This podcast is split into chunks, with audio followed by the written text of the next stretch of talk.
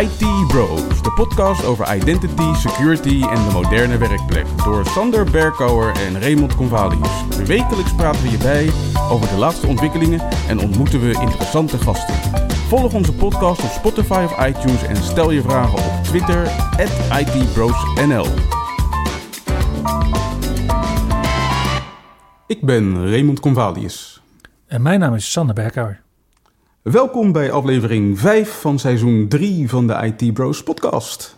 Ook wel gewoon week 5 van 2023. Met in deze aflevering het meest recente nieuws, aankomende evenementen en een nieuwe productiviteitstip van Ray.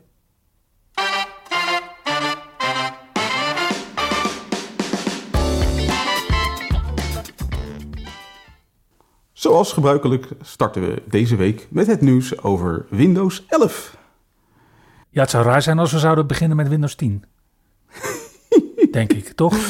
Ja, ja, er is deze week niet veel nieuws over Windows 10. Of Windows 7 of Windows 8.1. Oh, nee, Dat is, dat is helemaal ten einde. dat doen we niet meer. Op 1 februari kwam er een nieuwe versie van Windows 11 uit in het Developer Channel. En dan wel was dit dit keer versie 25.290. En wat we hier zien is dat Microsoft duidelijk bezig is met de nieuwe widgets te ontwikkelen voor Windows 11. Want deze week hebben we er twee nieuwe widgets bij. Eentje voor Spotify en eentje voor PhoneLink. En uiteraard worden developers aangemoedigd om ook hun eigen widgets te ontwikkelen. Wat er verder nieuw is aan deze versie is dat ze het ARM-issue hebben opgelost. Waardoor er deze keer ook een versie voor ARM64 is gereleased van Windows 11 in Ah. de Developer Channel. Vooral onze ARM-ridders. Juist. En is er dan ook nog iets eh, in het eh beta-kanaal? In het beta-kanaal was er deze week geen nieuws. Overigens vond ik wel een bug in mijn eh, beta-channel installatie. De Task Manager is stuk. Maar daar gaan we het zo meteen nog wel over hebben. Je bedoelt de task manager die je door de, met de rechtermuisknop te klikken op je taakbalk tevoorschijn tovert? Die Task Manager, ja. Oh, die task manager. Oké. Er was wel nieuws ten aanzien van de updates voor komende maand. Er is namelijk een update preview uitgekomen in de vorm van KB 5022360. Mhm. En die betreft de non-security updates voor de komende maand. Daarin worden diverse issues opgelost, onder andere eentje met de Input Method Editor.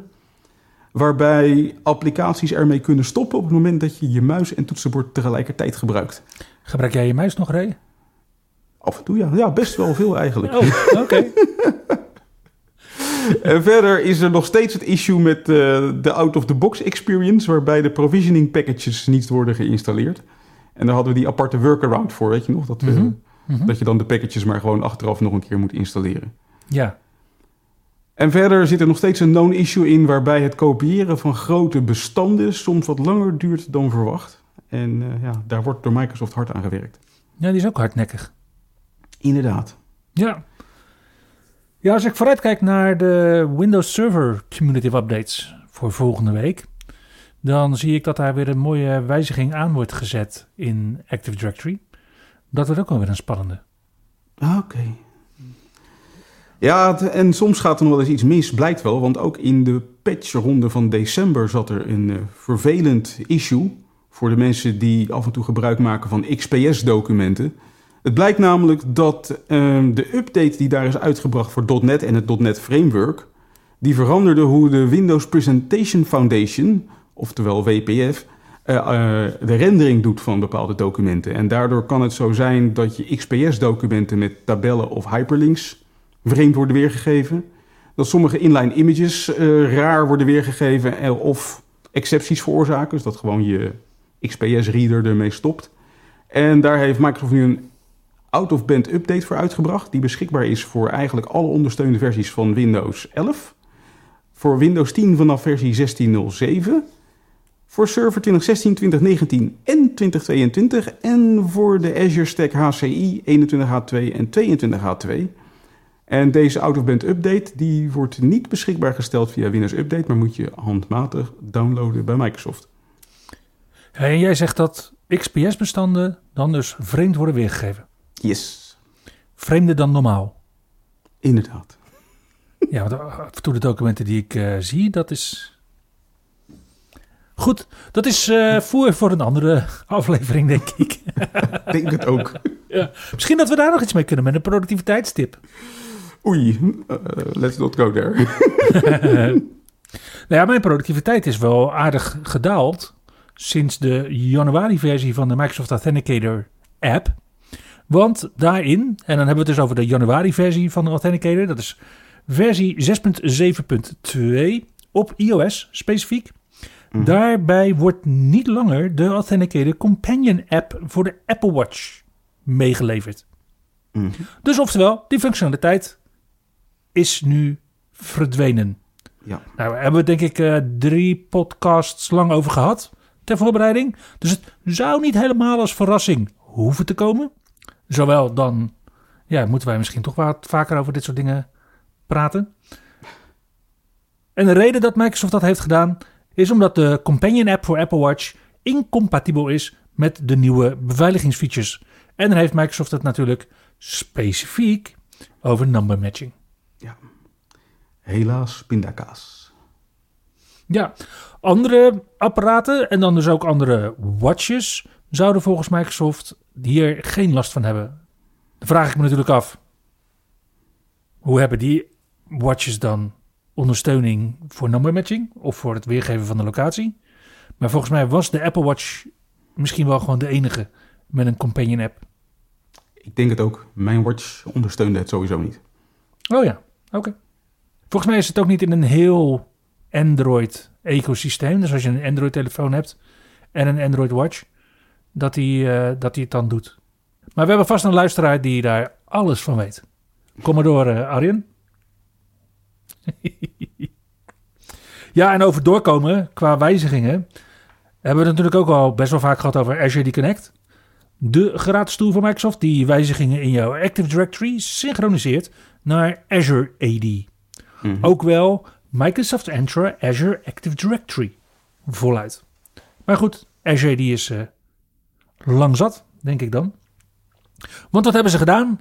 Die jongens en meisjes in het productteam, die hebben weer flink zitten sleutelen aan Azure AD Connect Cloud Sync. Mhm. Daar hebben we het natuurlijk ook al een aantal keer over gehad. En wat ze afgelopen maand hebben toegevoegd aan Azure AD Cloud Sync is sowieso een hele nieuwe beheerervaring in het portal. Oké. Die staat geheel flitsend weer tot je beschikking. En wat Azure AD Connect Cloud Sync vanaf deze maand ondersteunt zijn directory extensions. Dus als jij string gebaseerde extensies hebt in je Active Directory schema, dan kun je deze nu als public preview synchroniseren naar Azure AD. Nice. Dan zie je ze natuurlijk niet in het portal terug.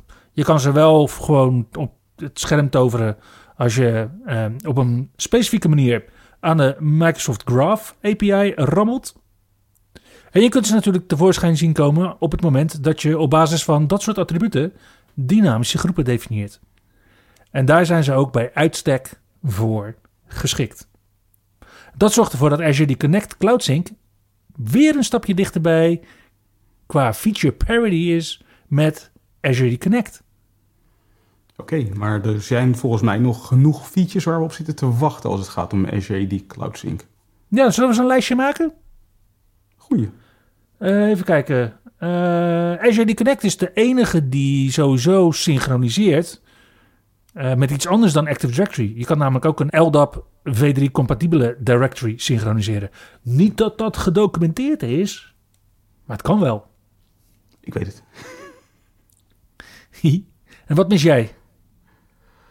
Nou ja, met name de Exchange Hybrid Writeback. Ik denk dat is een hele belangrijke. Ja, ik denk dat als ze die fixen, dat je dan al een heel eind, eh, dat je dan een heel eind komt. Ja. Weet je, dingen als password authentication en attribuutgebaseerd filteren, dat, ja, daar, daar kan je nog je vraagtekens bij zetten hoeveel organisaties dat nodig hebben. En ja, dat Azure die Connect Cloud Sync niet meer dan 150.000 objecten ondersteunt en daardoor dus Ja. ook geen ondersteuning heeft voor die groepen met meer dan 50.000 leden. Ja, dat is het denk ik ook nog wel voor een tijd vergeven. Want dat is alleen iets waar grotere organisaties last van zouden hebben. Net als ja, meerdere domeinen. Ja. Ik bedoel, je hebt best wel wat beheerders nodig als je meerdere domeinen in de lucht eh, probeert te houden. Maar ja, wat zijn dan wel nog grote dingen? Ja, we hebben, ehm, eh, dat vind ik wel een belangrijke, group write-back. Want als jij Oh, dan ja, op, ja. jouw, op jouw directory extensions eh, specifieke dynamische groepen gaat maken. En die doe je dan weer write-back dynamisch naar je Active Directory. Want dat kan natuurlijk nu. Group write-back is helemaal niet meer afhankelijk van het Exchange schema. Ja. Ja, dat mis je. En je mist device write-back. Oh ja, Maar dat gebruikt denk ik niet heel veel, gebruiken niet heel veel mensen meer. Nou ja, we kijken uit naar feature parity, maar het ziet er naar uit dat Microsoft hier inderdaad eh, de nodige energie insteekt. Ja, maar ook nog het nodige te doen heeft. Klopt. en waar Microsoft ook nog het nodige te doen heeft, dat is in eh, OneNote voor Windows. Het is namelijk zo dat Microsoft al een tijdje geleden heeft aangekondigd dat ze eh, OneNote voor Windows 10, zoals die standaard meegeleverd met Windows, in de band gaan doen. Hij wordt wel Mhm. ondersteund tot 2025. Maar in de tussentijd wordt er gewerkt aan de nieuwe versie van OneNote en die heet OneNote voor Windows. Die kan je installeren vanuit de store. Mhm. En die heeft nu eh, de navigatie gekregen die je ook al vond in, de, in iOS en Android apps. Dus je kan nu verticale tabs gebruiken in OneNote voor Windows. In plaats van alleen de horizontale tabs. En je kan dat instellen in de nieuwe versie. En, dat, en die nieuwe versie is dan wel de versie 23.02 die onlangs beschikbaar is gekomen in de Insider Preview. Of nieuwer. Ja, voor de luisteraars die deze aflevering nog wat later terugluisteren. Ja, voordat je denkt dat het alleen versie 2302 het heeft. Precies. En waar Microsoft ook heel veel energie in steekt, dat is een onderwerp waar we het vorige week nog over hebben gehad. Nee, niet weer. ChatGPT. Niet weer. Ja, ja, ja, ja, ja. Ja, de geruchtenstroom komt los. Volgens eh, de website Semaphore Ja? hebben undisclosed sources gemeld dat Microsoft binnen enkele weken ChatGPT-4 gaat introduceren in Bing. Dus het idee is waarschijnlijk dat Microsoft Google het vuur aan de schenen gaat leggen door zijn zoekmachine sterk te verbeteren. Door ChatGPT en dan de versie 4 te gaan integreren in Bing. Nou, wat is er dan zoveel beter aan ChatGPT 4? Nou, met name dat hij gebruik gaat maken van een nieuwere dataset. En dat ChatGPT 4 heel veel sneller schijnt te zijn dan ChatGPT 3. Verder schijnt men te werken aan een eh, mobile app voor ChatGPT. En is men aan het testen met uh, DAL-E voor video. DAL-E kenden we al zeg maar, om plaatjes te genereren. Ja, ja. En het schijnt dat men aan het werk is aan verbeteringen aan DAL-E, zodat het ook video's kan eh, genereren. Nou ja, Microsoft zelf heeft uiteraard niet gereageerd op deze geruchten. Nee, dat moet je vooral niet doen. Maar het past wel in het plaatje dat Microsoft zwaar aan het investeren is in dit hele AI-gebeuren samen met OpenAI. En het schijnt dat ze afgelopen jaar onder andere een supercomputer hebben gebouwd. Met, eh, met eh, 285.000 CPU-cores Mhm. en 10.000 GPU's. Die ja, dus ervoor zorgt dat deze snelle ontwikkelingen nu ook gewoon plaatsvinden. Ja, ik had het van de week ook met iemand eh, bij de koffieautomaat over ChatGPT. Waar stond GPT ook weer voor? Dat staat voor eh, Generative Pre-trained Transformer. Ja, precies. Dus het is pre-trained. En de dataset van 4 die gaat veel groter zijn dan de versies 3 die we nu gebruiken. Ja. En daardoor kan hij nog meer dingen doen. Ja, ik ben een vervent gebruiker van Bing. En wat ik heel fijn vind van Bing is dat als ik iets specifiek zoek, dat hij ook al, voordat hij de zoekresultaten laat zien, ook al meestal een, eh, een stuk tekst van een pagina al laat zien waar mogelijk al het antwoord in staat. En als ze dat Hmm. weten te verbeteren, dan denk ik dat dat heel erg fijne functionaliteit kan zijn. Ja, inderdaad. Overigens las ik ook deze week dat ze een tool hebben uitgebracht om betrouwbaar door ChatGPT gegenereerde tekst te detecteren. Ja, betrouwbaar wil ik het nog niet noemen. Er zijn allerlei testen op losgelaten en schijnt dat er toch wel een significant percentage eh, documenten er doorheen glipt. Ofwel omdat ze toch door mensen zijn geschreven en door de tool worden bestempeld als AI gegenereerd. Ofwel dat ze AI gegenereerd zijn en toch niet worden herkend als AI gegenereerd. Dus ik neem dit nog wel met een stevige korrel zout eh, in hoeverre het goed te detecteren is. Plus dat je krijgt natuurlijk gewoon een red race. Hè? Ik bedoel, straks ga je gewoon aan ChatGPT vragen... schrijf voor mij een document wat niet herkenbaar is als dat het door ChatGPT geschreven is. Als extra, als, eh, als extra optie op de prompt. Ja, Precies. ja. Ik, ik vraag me ook af hoe snel dit soort dingen inderdaad in plagiaat check tools en dat soort dingen te vinden gaan zijn. Het wordt een red race. En die is nog lang niet voorbij. Heb jij eh, ChatGPT nog gebruikt deze week? Ja, ja, ja, ik moest wel stukjes schrijven. En ik, ja, de, ondanks dat ik de onderwerpen wel goed kende... Ja, ze bespaarde het me gewoon ontzettend veel tijd... door even aan ChatGPT te vragen van... schrijf voor mij een stukje over dit onderwerp. En dan kon ik daarna het, het, eh, het resultaat daarvan eh, netjes aanscherpen... en tot een mooi resultaat komen. En dat scheelt je heel veel tijd. Ja, weer lekker wat tijd teruggewonnen. Tijd die we natuurlijk vrolijk in deze podcast steken. Bijvoorbeeld. Nou ja, behalve Microsoft is Google ook hard aan het werk. En die zijn met iets bezig wat ik toch wel ja, bewonderenswaardig vind. Namelijk, Google is aan het werken aan een betere integratie van Microsoft 365 in Chromebooks. Oké, Let that sink in. ja, daar, word- ik even stil van. Inderdaad. Het schijnt dat Google bezig is om de installatie van Office 365 te vergemakkelijken. Sorry, van welk, van welk product? Eh, Microsoft 365. Oh, die. Ja, nee, oké. Ik dacht gewoon, hè? Ja. En daarbij schijn je dan dus niet meer naar de Office-site te hoeven om een Progressive Web App te installeren. Sorry, welke, welke website? De Office-website. Het is oké, de Microsoft 365-website, oké. Ja, je zit... Ja, we moeten natuurlijk wel consequent blijven. Ja, ja, ja, ik moet nog even vinden, dat is wel duidelijk. Ja, dat is duidelijk. Verder schijnt het dat eh, Google ook werkt aan een betere integratie van OneDrive... door de Chromebook Files Directory te koppelen aan de OneDrive-locatie. Wauw, dat is wel, dat is een grote. Ja, en dit alles bevindt zich nu nog wel in een beta-fase. En het is nog niet bekend wanneer dit generally available wordt. Maar ja, toch wel eh, bewonderenswaardig dat Google aan deze ontwikkelingen bezig is. Ja, kan je kan je voorstellen, known folder move voor Chromebook? Zo, Zo, dat is een grote. Als dat er, eh, als dat er eh, komt. ja, inderdaad. Nou ja, nu ging de afgelopen week uiteraard niet voorbij zonder een paar security incidenten. En één daarvan trok mijn aandacht, namelijk eh, GitHub. Moet een aantal gestolen certificaten intrekken. En het blijkt te gaan om de code signing certificaten van de GitHub desktop app voor Mac. En voor de Atom apps van GitHub. Nou, de, ja, de apps die net doen alsof ze apps zijn, maar stiekem browser frontends zijn. Precies.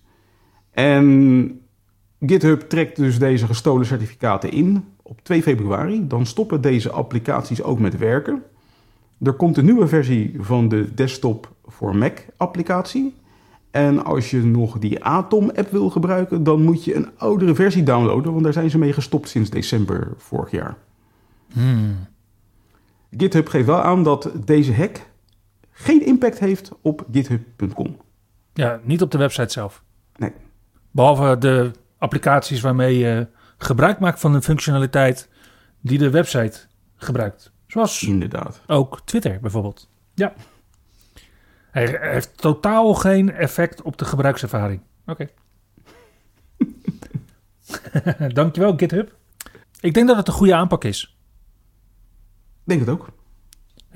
Ook al is er nu misschien niet iets wat wordt misbruikt, dan in ieder geval wel het hele platform waar vanaf of waarmee het misbruikt zou kunnen worden of had kunnen worden, inderdaad onklaar maken, zodat ook dat niet kan gebeuren. Voorkomen beter dan genezen. Ja. Ja, zo kan je het wel stellen. Nou ja, verder had eh, VMware nog een eh, aantal kwetsbaarheden te fixen in eh, hun vRealize Login Site product. Mhm. Waarvan er twee een CVSS-score hadden van 9.8. Te weten CVE 2022 31706. Dat betrof een eh, directory traversal vulnerability die remote code execution mogelijk maakte door Ah. unauthenticated actors. Dus eh, lastig. Mhm. En dat gold ook voor E CVE 2022-31704 met ook een score van 9.8. En dat ging over een broken access control vulnerability. En ook hier wordt remote code execution mogelijk door een remote unauthenticated actor. Dus eh, Ja, dus ook al ben je geen beheerder, maar weet je dat je klant of organisatie vRealize Log Insights gebruikt, dan zou het handig zijn om bij de koffieautomaat met jouw VMware Matties even te zeggen, weet je, misschien handig om te patchen.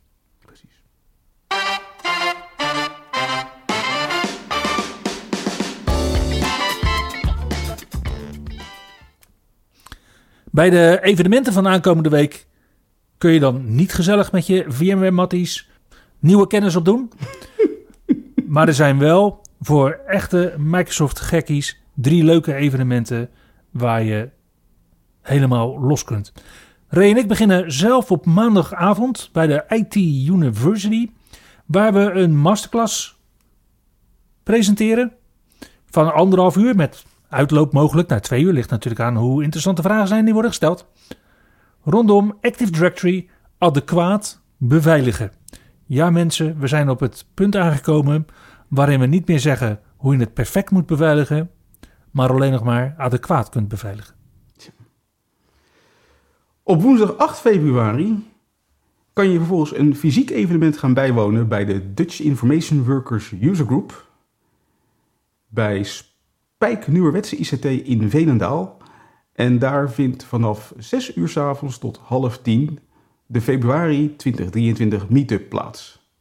Daar zal onder andere een presentatie plaatsvinden van eh, Farhad Saraji Mhm. over Windows 365 VDI as a Service. En een presentatie van Rutger Knijnenburg, geheten Low Code AI in Your Microsoft 365 Tenant. Ja, en ik denk dat vooral de presentatie van Farad hier de hoofdact gaat zijn. Want Farad die leeft en droomt over Windows 365. Maar werkte tot voor kort als engineer bij Citrix. Dus die weet waar hij het over heeft. Ah, oké. En mocht dat niet je ding zijn, dan kun je op donderdag 9 februari vanaf half zes 's avonds aansluiten bij Azure Thursday, waar wederom een OGD-medewerker presenteert. Maar met Carl in het veld als voorprogramma voor Managing Your Azure Infrastructure with Terraform. En daarna vanuit Leo Visser een sessie over Level Up Your Azure DevOps Pipelines. Bij allebei de fysieke evenementen is er overigens na de sessies een borrel.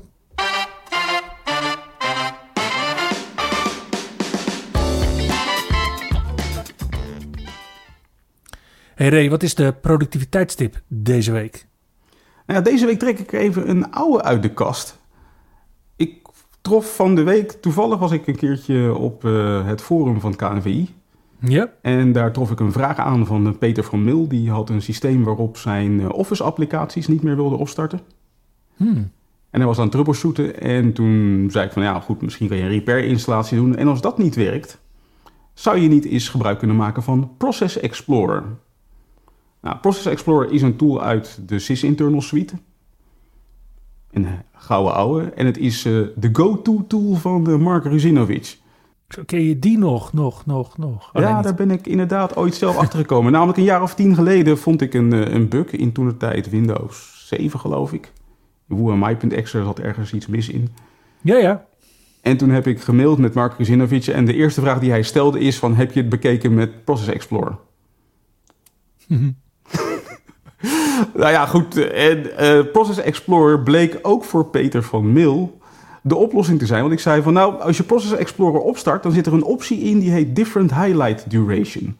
Wat je dan eigenlijk krijgt is een soort van task manager. Ten slotte lijkt Process Explorer wel enigszins op de task manager.